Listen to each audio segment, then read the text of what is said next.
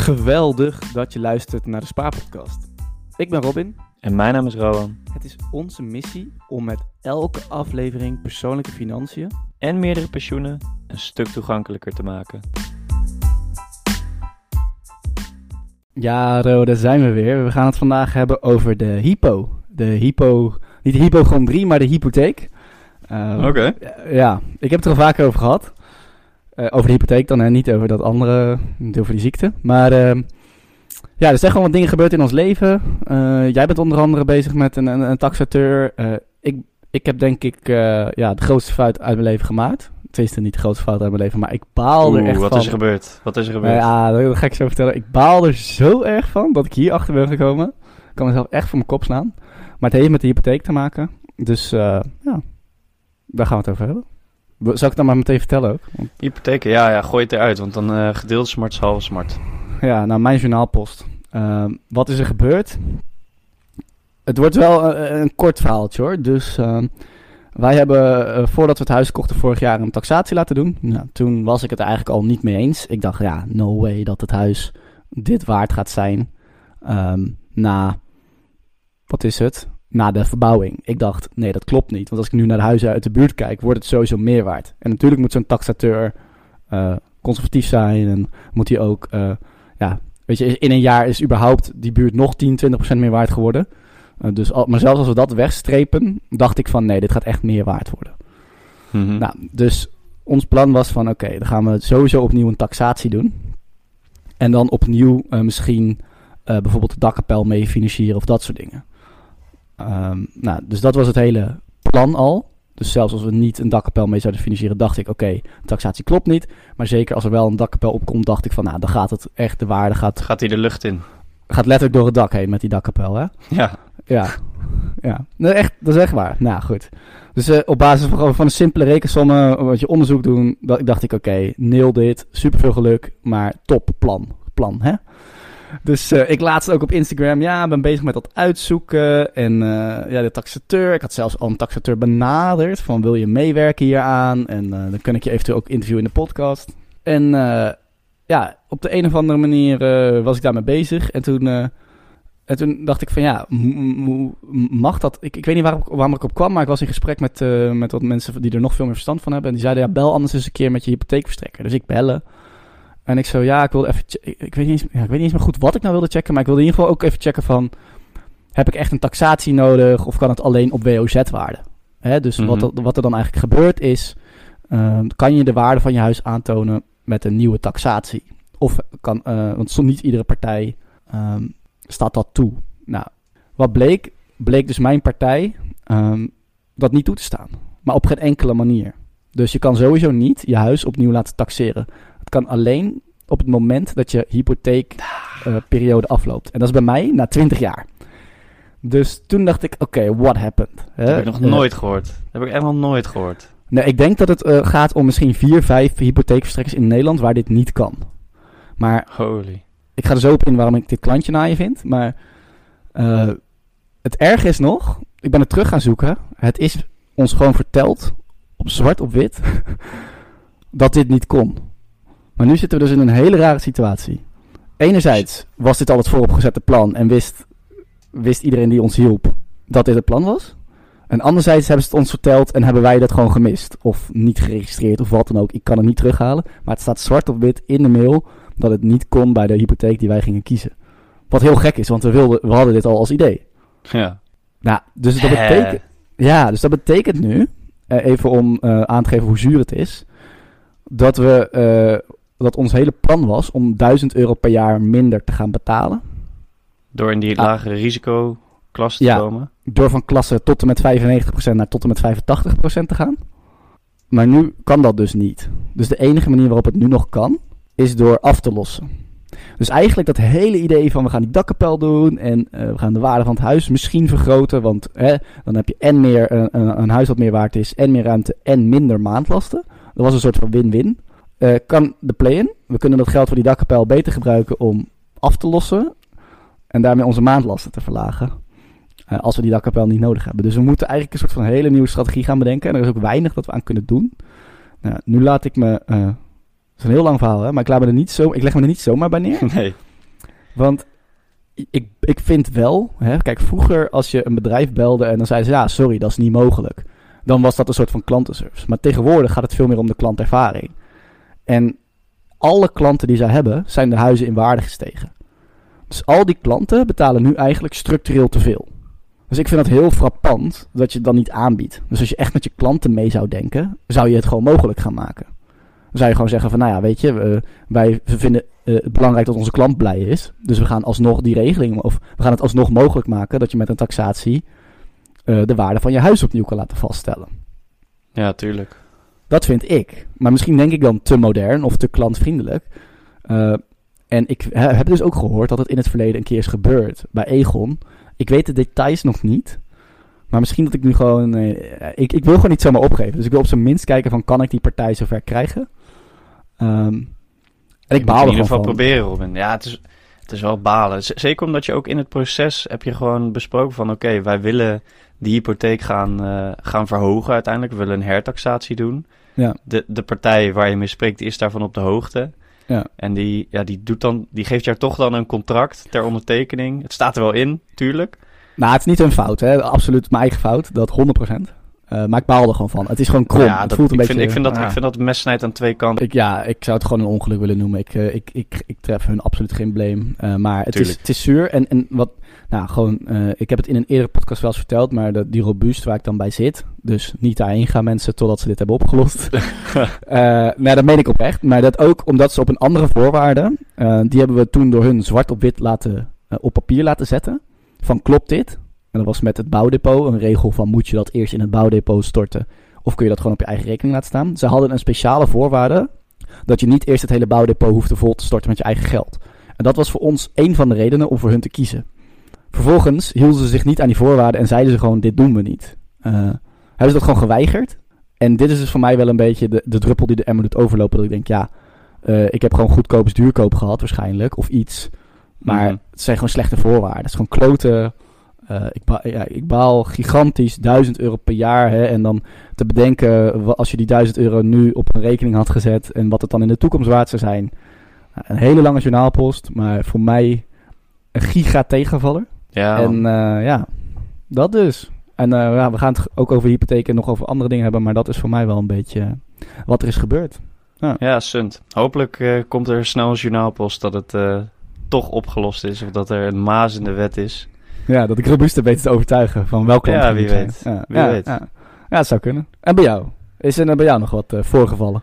Ja, zoals je weet ben ik uh, eigenlijk druk bezig met uh, de verhuizing naar Londen. Dus het is Ja. een beetje kijken ja, wat, dat, wat dat gaat kosten en wat voor impact dat heeft op, ons, op ons huis. Willen we dat gaan verhuren? Nou, dat, dat gaat niet echt, want dan moet je akkoord van je hypotheekverstrekker, moet je een verhuurhypotheek hebben. Dus um, ja, waarschijnlijk vinden we het ook wel lekker om gewoon nog een huis te hebben in Nederland als we, als we weer in Nederland af en toe zijn. Gewoon Ja. op bezoek. Ja, dan is het gewoon chill om je eigen huis te hebben. Dus we zijn nu een beetje aan het kijken van, nou, wie weet kunnen we dan toch die verbouwing doen. Wat ik ook als een van de doelen voor dit jaar heb. Ja. Nou, dan, dan ben je niet thuis, heb je er geen last van. Dus in die zin zou het ook een ideale tijd zijn. Dus Ja. ja, ja nu bezig met een, uh, met een taxateur om, uh, om alles opnieuw te laten taxeren. En te kijken of we daar dus de verbouwing van kunnen betalen. Oké. Okay. En in Londen ga je dan sowieso huren, begrijp ik? Ja, ja, dat, ja. we, hebben, we hebben niet veel keus. Ja, Oké, okay. ik heb geen idee ja, hoe dat dan allemaal zit. Ja, Londen is knetterduur. Londen is knetterduur. En het is geen expat-rol waarbij het voor ons betaald wordt. Dus uh, kopen gaat niet. En huren is ook duur. Maar uh, ja, het is wel Londen. Hoeveel weet je nou? Want waar valt of staat het dan, zeg maar, die toestemming van zo'n... zo'n stel dat ik ooit een jaar weg wil of mijn huis wil ondervuren. Wat, heb je enig idee wat voor voorwaarden ik dan moet voldoen om wel mijn huis te kunnen mogen verhuren? Of? Ja, volgens mij... Kijk, kijk je kan uh, dus aan je hypotheekverstrekker vragen van... Oké, is het goed als ik een contract voor bepaalde tijd uh, geef aan mijn huurder? Dus dat is dan of één jaar of twee jaar. Je kan het tussentijds niet veranderen.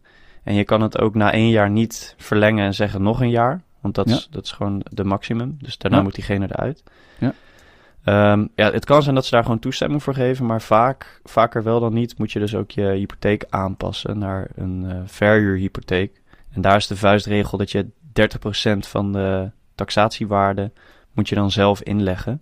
Of in ieder geval af, 30%? Oeh. afgelost hebben. Dus als jij een huis Oh, hebt van, 30%? afgelost hebben. Als jij een huis hebt van, als jij huis hebt van, van 3 ton, dan moet jij dus 90.000 eh afbetaald hebben. Voordat je een verhuurhypotheek überhaupt krijgt. Voordat je een verhuurhypotheek krijgt, ja. En wat is dan nog meer het verschil? Is, is er dan een voordeel aan die verhuurhypotheek? Of wat is dan het grote verschil?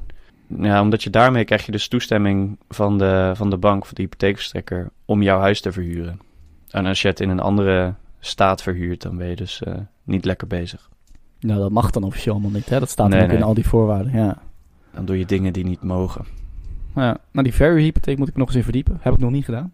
Maar, eh, Ja, het is een Ja. mooi bruggetje naar deze aflevering. De verhuurhypotheek zit er niet in, maar wel eh, de kennis van een man die eh, heel veel weet van, van hypotheken. dat is waar, en ja. financiën in het algemeen. Ja. Hij heeft een mooi, hij heeft echt, we gaan voor het eerst met een, een voice memo werken ook. Dus we gaan eigenlijk eerst naar hem luisteren. En dan gaan wij in op wat hij zegt. Maar waar gaat, wat gaat hij ons vertellen eigenlijk? Dat is eigenlijk de vraag. Waarom moeten mensen luisteren? Ja, kijk, Jeroen, die doet dat, Jeroen Wolfs doet dat zo ontzettend goed. Die kan echt ehm, vijf dikke tips geven in hele korte tijd, heel helder uitgelegd. Het is echt, eh, ja, hij, hij doet dat, ik weet niet, hij doet dat zo goed. We hadden dat ook al in het pensioenseizoen, toen was hij te gast. Ja, Hij kan gewoon heel helder met goede voorbeelden uitleggen waarom iets een goed idee is of waarom iets een, eh, een slecht idee is.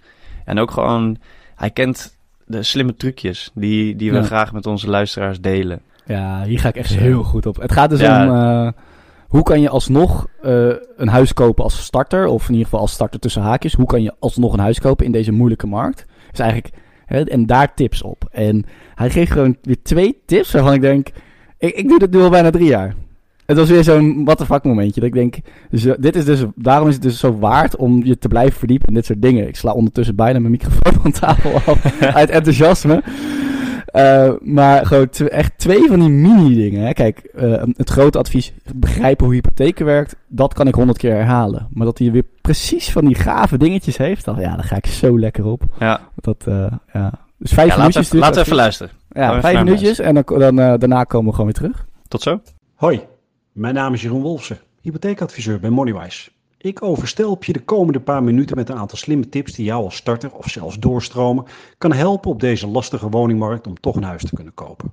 Een van de dingen die we veel zien gebeuren is dat mensen kopen zonder voorbehoud. Logisch, het is een moeilijke markt. Je hebt veel huizen bekeken, een aantal keren geboden en steeds grijp je naast het huis van je dromen. En je verleiding om te kopen zonder voorbehoud is groot. Mijn eerste advies is, doe het niet. Als je koopt zonder voorbehoud en je krijgt de hypotheek niet rond, heb je een probleem en zul je misschien een boete moeten betalen en die kan oplopen tot 10%.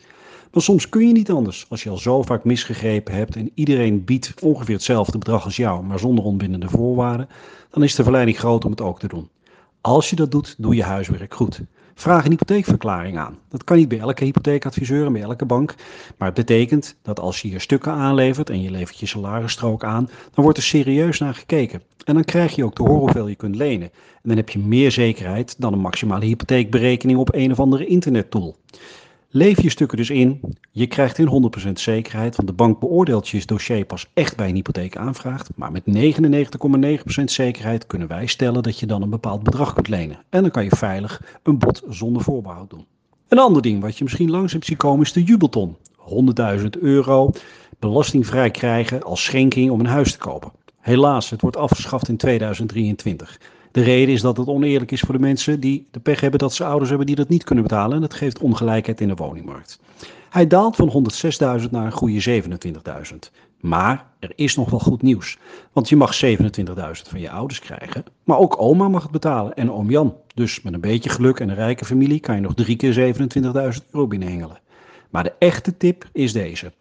Als je ouders kunnen schenken, maar je hebt nog geen woning, als ze nu 1 euro schenken in 2022, ook een euro in 2023 en je koopt in 2024, dan mag je nog steeds gebruik maken van die schenkingsvrijstelling.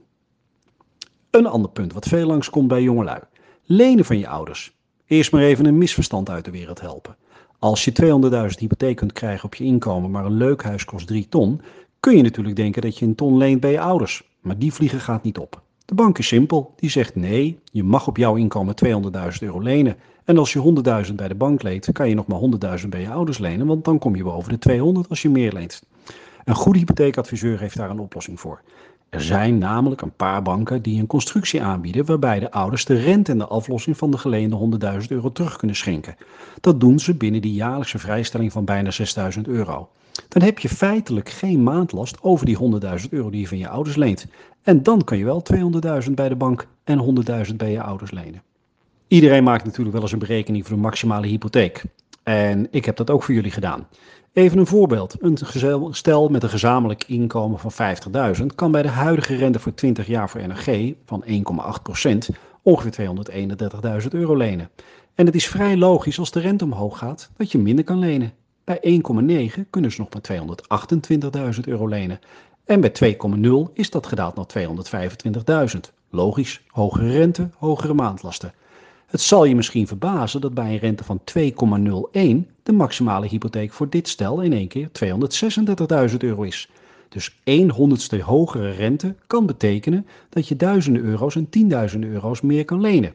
Hoe dat kan? Tja, Nederland is een mooi land met regeltjes, hokjes en tabelletjes. En een goede adviseur weet precies wanneer je over de grens gaat van het ene en het andere tabelletje. En daardoor kan je meer lenen, zelfs als de rente hoger is. En dan even een nieuwtje ook de duurhuurhypotheek. Misschien heb je het al langs zien komen in het nieuws. Eigenlijk is het natuurlijk oneerlijk. Je bent jong, je hebt een leuk inkomen, maar je betaalt 1200 euro aan huur. En je kan geen woning kopen, omdat je volgens de regels van de bank niet meer dan 800 euro van je inkomen mag gebruiken voor woonlasten. En bij woonlasten van 800 euro hoort een hypotheek die aan de lage kant is om te kunnen kopen. Hoe oneerlijk is dat? Je betaalt dus al jarenlang 1200 euro huur, maar je mag niet kopen. Als je al langer dan drie jaar die hoge huur betaalt, heb je voldoende aangetoond dat je goed met je geld om kan gaan en dat je dat kan betalen. Er is nu een pilot dat je bij vier banken meer kan lenen als je aantoont dat je al jarenlang een hoge huur betaalt. En geloof me, dat kan echt 10.000 euro schelen. Dat lijkt leuk, betekent wel een goede rekensom, maar ook hiervoor geldt, een goede adviseur kan je daarmee helpen. Dus betaal je veel huur en doe je dat al drie jaar lang, dan kan je dat helpen om een hoge hypotheek te krijgen. Ik zou zeggen, zoek het uit. Ja, Jeroen, wij gaan het, uh, wij gaan het uitzoeken. Toch, Robin? Ja, zoek het uit. Mooi motto, hè? Dat uh, ja. heb ik ook ooit gevoerd, dat motto. Hashtag zoek het uit. In het pensioenseizoen. Dat was gewoon ja. te kijken wat je, wat je jaarruimte was. Hebben dat... Uh... Ja, ja. Dus dat betekent eigenlijk gewoon van zoek het uit in twee minuten als in zoek het nou eens uit. Want het is super makkelijk en kijk gewoon hoe je ervoor staat. Of in ieder geval uh, log eens in op mijn pensioenoverzicht. Dat was, nou, was, was, was een, uh, ja. Dat was zo'n zo kleine moeite hè? en nog steeds 70% van Nederland die dat niet heeft gedaan. Ja, dus als je dat nu nog niet hebt gedaan, log even in op mijnpensioenoverzicht.nl en kijk of je schrikt van het bedrag wat jij krijgt vanaf je 67. Gaan we nu door. Kopen ja, zonder ja. voorbehoud. Robin, ja. heb jij dat gedaan? Heb jij gekocht zonder voorbehoud? Ja, eigenlijk zijn eerste tip, hè? Uh, nee, ik heb uh, met voorbehoud van financiering uh, en met voorbehoud van bouwkundige keuring gekocht. Ja, dat kwam ik al. We hebben allemaal het verhaal gehoord natuurlijk in de aflevering hoe jij gekocht hebt in Rotterdam in een te gekke tijd. Ja. Maar gewoon een huis wat eigenlijk al heel lang te koop stond. Waar geen nou, andere bieders waren. Drie maandjes, hè? Veel mee. maar, het is, maar dat is heel lang. Dat is heel ja. lang in deze tijd. Ja, ja. Ja, ja. nee, dus... Uh, ja, dat, uh, het was gewoon ook... Uh, de situatie was dat we het niet zo graag wilden... dat we al risico's wilden nemen. Dus het was meer een soort van kijken of we het kunnen. En we zitten zeker wel echt aan de hoge kant... van wat we kunnen en mogen lenen. Ja, dus daar gaan we geen gekke risico's mee nemen. nee. Maar het is wel echt een goede tip van Jeroen hoor. Dat, je, je doet eigenlijk een soort van generale repetitie. Van oké, wat is ongeveer het bedrag wat wij echt daadwerkelijk kunnen, kunnen krijgen. Ja. En dan kan je met veel meer zelfvertrouwen zeggen van oké, we kopen zonder voorbehoud. Ja. Dus ik, ik, ik heb het zelf ook niet hoeven doen, uh, gelukkig. Het lijkt me namelijk echt, man, als je dan... Als je zegt, oké, okay, kopen zonder voorbehoud, je hebt het winnende bod... en je krijgt het dan niet rond dat is gewoon als jij een huis van, uh, van drie ton koopt. Je krijgt een boete van 10%. Ja. Dan kan je, kan je gewoon opnieuw beginnen met sparen. Ja. Is gewoon 30.000 ja. euro weg. Omdat je gewoon uh, ja, niet uh, de slimme dingen hebt gedaan. Dus, ja. Ken, jij iemand die dat ooit heeft gehad? Um, nee, nee. Gelukkig niet. niet. Maar Jeroen zal ze wel gezien hebben, denk ik. Hij waarschuwt er niet voor niks voor. Hij zal die mensen meegemaakt hebben. Ja, ja het gebeurt sowieso. Ik denk zeker, zeker in Amsterdam, Rotterdam, dat, dat het daar nog wel eens uh, goed misgaat hoor. Dan ben je al, je, je, moet je voorstellen, je bent al een jaar aan het zoeken en het lukt maar niet en het lukt maar niet. Iedereen om je heen koopt, uh, doet die biedingen zonder voorboutjes. En fuck it, wij doen dat ook nu. En dan win je en dan komt het niet rond. Dus ja, Ik heb wel vrienden gehad die eh, twee keer niet door hebben laten gaan op eh, voorbehoud van bouwtechnische keuring. Dat wel, maar niet, op, maar die, nee, niet met die hypotheekverklaring. En dat vind ik mooi aan die tip. Ik had hier nooit van gehoord dat dit überhaupt kon. En dan denk ik, ja, Ja. dit is wel echt zo'n geniaal tipje. Of ja, eigenlijk een tipje. Gewoon zo'n zoek het uit dingetje. Van als je begrijpt hoe dit soort dingen werken, kom je zoveel verder. Je hebt gewoon weer een, een head start. eh, je staat er weer beter voor. Ja, ik, ik vind het een fantastische tip. Van, ja want, want ik denk altijd als ik mensen hoor zeggen... Ik bied, eh, ik bied zonder voorbehoud of ik koop zonder voorbehoud... dan denk ik, dat is roekeloos, moet je niet doen. ja. Maar je kan het dus wel eh, best wel slim Ja. doen. Er moesten gewoon twee woorden achter. Kopen zonder voorbehoud met hypotheekverklaring. En dan is het een heel ander verhaal. Ja, goede tip dit. We, we hebben, Ja. er, we hebben er nog vier, hè. We hebben nog de, de jubelton eh, komt eraan. Ja, We hebben het lenen bij pap en mam. De constructie die, we daar, die daarbij eh, gedaan kan worden. De rentemix komt er nog aan. Ja. En de duurhypotheek. De duurhuurhypotheek. wat vind je van... eh, nou ja, wat vind je er überhaupt van dat de jubelton wordt afgeschaft? Ja, ik, ik weet niet of ik dat wel heel nodig vind. Want kijk, ehm, misschien hebben mensen jarenlang gespaard om dus die, die ton bij elkaar te krijgen voor hun kind of kinderen. Ja. En dan is dat nu ineens, eh, ja, is het gewoon voorbij. En ook best wel op korte termijn is dat al voorbij. Ja. Terwijl de soort van de reden is natuurlijk dat het, dat het ehm, een soort van meer level playing field creëert. Dus iedereen eh, gelijke kansen. Maar ik denk dat de mensen die gewoon echt waar het geld tegen de plinten klotst, dat die toch wel, ja, die kopen een huis voor hun kinderen of die, of die doen iets anders. Ik denk dat dit echt een soort van meer hele gunstige middenklasse eh, regeling was. Om ook eh, minder, hoe heet dat nou, die death eh, tax.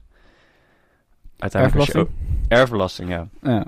Om minder erfbelasting te betalen. Als je gewoon eh, bij leven je kinderen al zoiets moois kan meegeven. En je hebt daar een leven lang voor gespaard. Ja, dat hoeft echt niet eh, alleen maar voor mensen uit een goed milieu te zijn. Oké, nou, eerlijk antwoord. Dus inderdaad, het wordt afgeschaft per 2023. Maar Jeroen heeft gewoon weer een geniaal iets. Als je 1 euro en je legt het dan vast, hè, van ik schenk mijn kinderen 1 euro in 2022 en 2023, dan mag je ook nog in 2024 eh, de andere 99.998, eh, of het is eh, 106.000 nog wacht, maar in ieder geval die andere, de rest van de ton schenken. Ja. Waardoor je dus vanaf nu zeker nog eh, ruim 2,5 jaar hebt om eh, dat alsnog dat huis te kopen. Dus zelfs als je nog niet eens weet of je ouders het hebben, gewoon vragen of ze je eigenlijk 1 euro schenken op papier. En dan creëer je zo misschien zomaar een, een, een mooie situatie voor jezelf. Ja, dat is een kleine moeite dan, als je nog een huis moet kopen, toch? Ja, ik hoop dat je ouders een euro kunnen missen. ja. ja, dat is ook maar de vraag. Ja, maar De, ju- de jubel-euro. hoe, hoe moet je dat eigenlijk vastleggen? Want eh, kijk, ik heb, ik heb nooit een eh, jubelton of jubel-euro gehad. Maar ehm, is dat, als ik gewoon geld naar je overmaak en zeg eh, schenking 2022, is dat genoeg bewijs? Of moet je echt eh, contracten gaan opstellen? Flauw idee. Dat is, nee, de, het contract moet bij de derde punt, bij de rente met dat schenk lenen, daar moet dat. Maar eh, ik, ja, ik heb ook nog nooit een jubelton weggegeven, dus ik zou het niet weten. Ehm, maar nee, ik, ik weet het niet goed genoeg eigenlijk. Ehm, Nou, dan gaan we Ja. door. maar ja. Maar nog één ding over de jubelton. Ik dacht, ik ga toch ook nog gewoon mijn mening geven. Eh, ik vind de Wat tip vind jij er eigenlijk van, Robin? Nou ja, ik vind de tip eh, geniaal. En ik ben het grotendeels met je eens dat ik denk... Ik vind het een... en nu ga ik wel iets... Moet ik weer heel voorzichtig mijn woorden kiezen. Maar ik denk dat het een redelijk populistische maatregel is. Ik denk niet dat het de kern van het probleem oplost. Eh, dat, dat neemt niet weg dat ik het er niet mee eens ben. Ik bedoel, ik vind het goed. Ik, ik ben ge- 100% voor gelijkheid. Maar ik denk niet dat het inderdaad de kern van het probleem oplost. Eh, en daarmee vind ik het wel storend inderdaad dat dat soort maatregelen dan vrij... Nou, oké, je kan niet onverwachts is het niet, maar het gaat dan ineens heel snel. Het mag allemaal niet meer. En de enige reden dat het nog niet direct weg is, is omdat het eh systeemtechnisch niet kon. Maar het is een beetje eh, reactieve politiek. En, en dat is niet iets waar ik. Zo, lekker scooter op de achtergrond. Ja. Wat is hier in Dortmund? Al die al scootertuig. en eh, ja, dat- dus eh, daar had ik een, een redelijke discussie over, ook met vrienden. En ik denk, ehm, nou ja, laten we het vooropstellen dat het goed is. Maar ik denk echt niet dat het nou de problemen gaat verhelpen. eh, waar we allemaal zo van lopen te roepen dat het door de jubelton komt. Tuurlijk niet. Maar Nee, goed, het is, het is symptoombestrijding in die zin. En ehm, dat, dat vind ik zelf ook. En wat Jeroen ook zegt, ja, je kan nog steeds van meerdere familieleden eh 27.000 euro ontvangen. Ja. Dus uiteindelijk raak je alsnog bijna die ton aan. Ja. Dus eh, wat, ben je dan aan het doen? Je bent het alleen maar ingewikkelder aan het maken. Ja, maar die 27.000 komt ook te vervallen. Hè? Eh, dat is nu tijdelijk. Dus eh, het gaat terug naar 27.000, omdat dat überhaupt de vrije schenking was. Maar het gaat echt, dat, gaat, dat gaat nog lager worden. Dus die hele schenking gaat er volgens mij vanaf in 2024 dan ergens of zo. 2024, 2025. Oh, wauw, oké. Ja, Dat had ik er niet uitgehaald. maar mooi bruggetje naar puntje 3. Je mag ook sowieso tot 6.500 euro per jaar eh, aan je kinderen schenken. En dat kan je dus doen middels zo'n eh schenk-leenconstructie. Oftewel, jij bent, eh, of nou ja, jij bent mijn vader. Heel raar opeens dit. maar eh, je schenkt me een Leuke podcast, zoon. ja, wordt wel heel intiem zo. Of heel raar ook, maar goed. Eh, je schenkt me een ton. Je moet me daar een eh marktconforme rente voor rekenen. Dus eh 2,5% of zo. Dan moet ik jou 2.500 euro per jaar terugbetalen. Maar het is toch niet, Robin, het is toch niet schenken? Ik, dus ik Eh, leen jou een. Lenen, lenen, ja, sorry. Ja. Ja. En dan moet ik jou dat terugbetalen. Maar dan schenk je mij dat eh, terug. Want je mag wel ieder jaar 6000 aan je kinderen geven. Dus dan streep je dat eigenlijk weg. Dus je leent als het ware rentevrij. En wat Jeroen dan ook zegt is... in- normaal als je een ton van je ouders krijgt... dan zegt de bank... hey, eh, je hebt al een ton geleend... dus als je twee ton nodig had... Mag je, krijg je nog maar een ton van ons. Maar in deze constructie zijn er dus een paar banken die dan zeggen... nou, dan mag je nog steeds die twee ton van ons... en die ton van je ouders... en dan zit je dus opeens op drie ton. En dat is een heel groot verschil. Echt, dit is... eh, Ja, dat, dat is het verschil tussen een starterswoning kunnen kopen, wel of niet, tegenwoordig. Ja, en ook eh, veel toegankelijker nog veel voor veel meer families. Hè? Dus over een stukje gelijkheid. Natuurlijk is het nog niet voor iedereen weggelegd, maar wel voor meer mensen die dan kunnen zeggen: Nou, eh, we gaan ons kind geld lenen. Eh, bijvoorbeeld omdat de, hun huizen ook meer waard zijn geworden. Ehm, dan hoeven ze. En, en, zij, en zij wel de hertaxatie kunnen doen. Ja, oh, onder de gordel. en dan. eh, en zelfs als ze het niet helemaal schenken of teruggeven, kan het ook voor hun aantrekkelijk zijn. Hè? Dus het is gewoon. Eh, want zij maken ook geen eh, rendement op hun op geld. Dus als zij 2% pakken, of noem maar wat. eh, elkaar helpen. Ik, ik, ik geloof wel dat we in de toekomst steeds meer gaan naar dat familie elkaar helpt. En als dat op deze manier kan. Ja, Ja, dat zijn wel goede constructies om, om van op de hoogte te zijn. Dus dat je, absoluut. want ja, wat je zegt, het scheelt gewoon een ton. Dus Ja. het is of twee ton of drie ton. Ja. En met deze constructie is het drie ton. Overigens, eh, er was ooit een, eh, een gast in de podcast die vertelde dat hij zo'n constructie had met zijn ouders. Uh, dus een leuke aflevering om nog eens naar te luisteren als je hier interesse in hebt. Ik zal hem in de show notes zetten. Dus de aflevering met Timo. Timo was dat toch? Ja. Ja, ja. En eh, ik weet niet of hij nou, ik weet niet eens of hij nou terug moet betalen, maar er was in ieder geval sprake van een lening en, en, en daardoor kon hij dus in zijn eentje een huis in Utrecht kopen alsnog. Ehm, nou, dat was wel tof. Dus ik vond dat wel mooi en ook heel vet dat hij dat open kwam vertellen. Dus eh, ja, dat was eh, tip 3. Tip 4. De rentemix. Ja. Tenminste, zo, ik weet niet of Jeroen het zo noemde, maar zo, zo, eh, zo heet het volgens mij. ja, zo ken ik het ook, ja. En dat is iets wat ik, ik wist dat ook gewoon niet. Ik was echt weer even verbaasd toen, eh, toen Jeroen dit zei. Van, nee, meen je dat? Dus onder de 2% rente kan je dan 231.000 lenen. En dan ga je net zo 1 honderdste boven de 2%. Ja, En dan kan je 5000 meer lenen. ja, Bij een hogere rente. ja. Ja. Ja, ik kende het al. Dus eh, voor mij was hij minder chockerend. Maar ik denk dat ik toen ik dit voor het eerst eh, hoorde, hetzelfde dacht als jij. Van? Hoe dan? Eh, is, maar is dat dan... Ik zat meteen te denken, kan je dan ook gewoon aan de bank vragen van... Weet je wat, jongens? Wat nou als ik jullie niet 1,8% rente betaal... maar ik wil jullie meer betalen. Ik betaal jullie 2,01% rente. Kan je dat zelf aanvragen of is het echt gewoon de rente stellen zij vast? Die kan je, je kan niet zomaar meer betalen als je dat wil. Mm, Dat denk ik, nou ja, dat lijkt me niet. Maar daarom is het volgens mij dus de rentemix. Omdat je het dan dus in verschillende eh, leningdelen kan stoppen. Zodat je precies op die 2,01 of 1,51 komt. Juist, oké. Dus dan zeg je, ik stop 2 ton voor in, eh, in, eh, in, in 2,1% en 1 ton in, ik, ik heb de rekensom niet gemaakt, 1,8. En dan kom ik in de, in de evenredigheid of zo, als je dat dan keer elkaar doet, kom je op 2,01 uit. Ik noem maar wat. Ehm, ik, ik lul nu echt bedragen die misschien helemaal niet kloppen, maar daarom heet het volgens mij de mix. Omdat je dus een mix maakt van leningdelen, die dan in zijn gemiddelde of in zijn totale waarde op zo'n zo'n bijzonder getal uitkomen, waardoor je dus meer kan lenen. En eigenlijk Ja. ook nog eens lagere maandlast hebt. Hè? Dat is eh, ook een voordeel daarvan. Ik heb daar ook een artikel van trouwens. Die heb ik niet zelf gemaakt. Andere hypotheekkenner, Tim, eh, die heeft die gemaakt op de website. Dus eh, die staat er al een tijdje. Wordt goed gelezen. Ik kan er ook even naar linken. Ja, gooi die. Moet, moet ook in de show notes. Ja. Maar bizar hè? Eh, eh, Gewoon hoe... Hij, hij noemt het een land met regeltjes en tabelletjes. Ja. Dat we dan denken, nou oké, dat is wel voldoende uitleg. Het is gewoon heel raar, maar prima. Ja. Zo werkt het nou eenmaal. Ja, en dat is wel. eh, we hebben het steeds vaker erover. Hè? We, we hebben het heel veel over eh, hoe kunnen we meer inkomen krijgen, gelukkig. En ook eh, hoe kun je gewoon het systeem begrijpen. En ik denk echt, als je het systeem begrijpt, dan kom je al zo ver in Nederland. En dan, ja, met, dan kun je misschien zelf ook wel ooit aan je kinderen een jubeltonnetje schenken. Als je echt alles snapt. Denk, ik ben een beetje eh, de land of the possibilities. Of, eh, er, is, er is veel mogelijk in Nederland. En niet voor iedereen. En natuurlijk is er een, een, side note te maken. Maar er is heel veel mogelijk. En dat, Ja, eh, helemaal eens. Ik, ik, geloof, ik geloof alleen niet dat je het echt ook moet snappen. Want ja, ik, ik snap de rentemix ook nog, nog niet helemaal hoe dat werkt. Maar Ja. gewoon alleen al weten ja. dat het zo werkt. Dus wat, wat die constructie is. Ja, dan, dan weet je al van oké, je kan dat aan, die- aan je hypotheekadviseur vragen. Of aan wie je ook in de arm hebt genomen om je te helpen. Ja. Zodat er in ieder geval naar gekeken wordt en eh, ja, je misschien beter uit bent. Ja. En mijn business tip zou dan zijn: weet aan wie je het vraagt. Ook, hè? Dus je ziet ook heel veel, en eh, ik noem maar even het voorbeeld van de boekhouder of zo. Maar dan hebben mensen een boekhouder en die weet ook niet alles of zo. Of die zegt niet alles.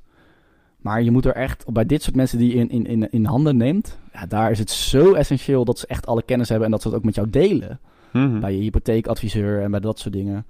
Eh, ja, dus eh, dat heeft mij in ieder geval veel opgeleverd doordat ik eh, Jeroen bijvoorbeeld al sprak voordat ik mijn hypotheek ging doen. Ja. True. hey, en de laatste. Die is, ja, ik, ik, ik heb nooit, nooit echt duur gehuurd. Maar de duurhuurhypotheek, ik, Ja. ik denk dat het wel voor heel veel mensen een uitkomst is. Ik ken veel mensen die zitten in Amsterdam, die huren daar voor 1500 eh, per maand. Ja. Terwijl ja, voor een hypotheek van 1500 per maand kan je echt wel in een flink huis wonen. Ja, klopt. Ik, ik, ik weet het nog niet zo goed. Eh, Jeroen zegt inderdaad van... ehm, het kan heel veel tienduizenden euro's meer aan hypotheek opleveren. Dat klopt. Eh, en het is op dit moment een pilot. Hè? Dus, eh, eh, maar er zitten best wel wat voorwaarden aan. Dus het kan maar bij een paar banken. Ehm, je moet minstens drie, uur, drie jaar die, die huur hebben betaald. Ehm, dat ik echt wel me een klein beetje afvraag hoeveel mensen hier echt van gaan profiteren. Ehm, Ja, het is volgens mij maar een kleine groep die... Drie jaar is echt wel een lange tijd om, om Ja. iets te huren voor zo'n hoog Ja. bedrag. Tenminste, dat vind- zou ik vinden. Dat. En vergeet niet dat drie jaar geleden bijvoorbeeld in Rotterdam, dan waren de huren ook echt nog totaal anders. Ehm, ik denk dat als je nu 1000 euro zegt of 1200, eh, is het eh, vrij normaal. Maar ik denk dat je drie, vier jaar geleden echt nog wel vaker over 7 of 800 had. Mhm. Ehm, dus, eh, en je hebt hier ook mee dat het echt inderdaad, het centreert zich heel erg om steden waar het dan heel erg duur is. Dus mensen die al jarenlang eh, een flinke huur betalen, misschien in, nou, wat zei jij nou, laatst nou, die Belgische plaats in Koeteldonk of zo, weet ik veel. Kudelstaart. Oeteldonk, Kudelstaart. Daar liggen de huren ook al lager en dan heeft het alweer veel minder zin. Dus eh, tuurlijk is het goed dat we hier allemaal dingetjes om pro- eh, voor gaan maken. Ehm, maar Ja. eh, mijn product owner hart zegt op basis van data hoeveel mensen gaan hier nu echt profijt van hebben. En ik moet het experiment eerst nog maar eens even afwachten voordat we echt een gat in Ja. de lucht springen. Maar goed, de mogelijkheid is er, dus dat is wel weer een positief ding. Maar misschien is die ook gewoon ehm, slecht in de markt gezet dat het duurhuurhypotheek is. Want kijk, het kan ook zijn dat jij eh, al jarenlang een huur van 600 euro betaalt. Ja. Terwijl je een inkomen hebt eh, waarmee je dus geen hypotheek van eh, 600 zou kunnen krijgen. Dus dat het ook een hele grote groep meer aan de ja, iets goedkopere huurkant eh kan helpen. Ja, het zou eigenlijk de, de meerhuurhypotheek moeten heten of zo, in plaats van duur. Niet alleen de dure Ja. huren, maar ook de mensen die al Ja, eh, gewoon de bepaalde huur huurhypotheek. hadden. De huurhypotheek, ja. Van je Ja. betaalde al 7,50. Dus dat betekent dat je minstens dat ook in je huis kan stoppen. Exact, ja. Ja, ja goeie. Ik weet eigenlijk niet of dat dan... Ik ben gewoon benieuwd wat uit die, uit die pilot komt. Ik hoop, eh, het, ik vind het een goede ontwikkeling. Gewoon een extra optie of een extra pad wat mensen kunnen bewandelen om gewoon een huis te kopen. Als je dat moet willen, hè. kopen of huren. Ja, dus dat waren zijn vijf tips. Heb jij nog tips waarvan je zegt... hey, die heb ik nog eens een keer gehoord voor starters om het toch mogelijk te maken? Ehm, nou, Nee, on the spot zit ik nu even, maar Ja, ik, Ik- zit ook even ik- mezelf. eh, ik, ik, ik hoorde nog van sommige gemeentes hadden hè, van die opties dat je toch wat meer kon lenen of een lening bij de gemeente. Ehm, nou ja, die, die, eh, sowieso die dingen met hypotheken, zoals eh, een verduurzamingshypotheek en zo. Er zijn vraag heel veel door en doe heel veel onderzoek. Er zijn soms echt nog wel links en rechts wat, ja, wat, wat deurtjes te openen. ja, mijn tip zou altijd zijn om gewoon een goede adviseur in de, in de arm te nemen. Zoals in Ja. Jeroen, die gewoon heel veel weet van alle mogelijke paden die je kunt bewandelen. Want ja, als je alleen, kijk, je kunt naar de spaarpodcast luisteren, maar als je dan ook daarna nog alleen onderzoek moet doen.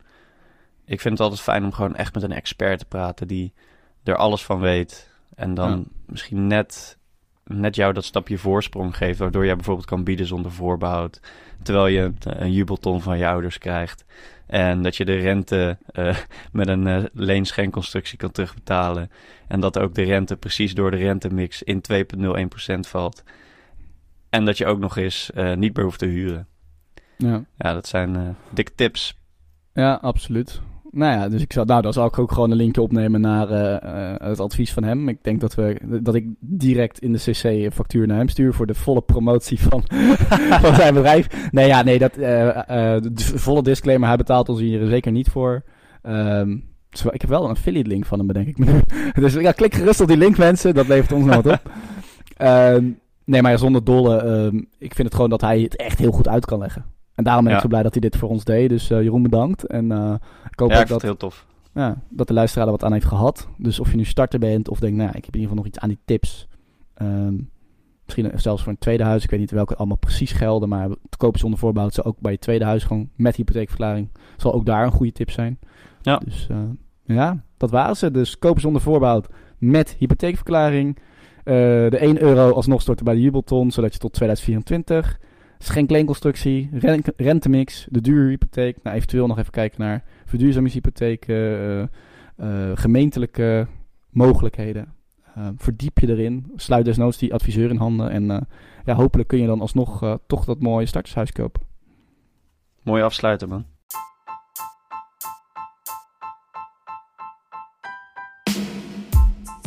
Bedankt voor het luisteren naar de Spaarpodcast. Ik hoop dat je er iets van hebt opgestoken. En dat je een stap dichterbij het op orde brengen van jouw persoonlijke financiën bent gekomen. En wie weet helpt het je ook om een leven met meerdere pensioenen te realiseren. En mocht je nou meer willen weten, dan ontstaat er ontzettend veel info op www.despaarpodcast.nl. Je vindt hier ook veel persoonlijke artikelen over Robins portfolio en bijvoorbeeld zijn workations. Ja, en heb je nog andere vragen? Stuur dan gerust een berichtje op Instagram naar de Spaarpodcast. Spaarpot met een D en kast met een C. Je kunt Rowan natuurlijk ook een bericht sturen op zijn Instagram en dat is 10 keer met pensioen. Nogmaals bedankt voor het luisteren. En mocht je onze missie steunen, dan stellen we het ontzettend op prijs als je op Apple Podcast of Spotify een review achterlaat. Ja, en wil je natuurlijk zelf een keer in de show komen? Ja, dat kan ook. Neem dan contact met ons op via de eerder genoemde Instagram. Of even een mailtje naar mij, robin.despaarpodcast.nl Dit was het man en hopelijk tot de volgende keer.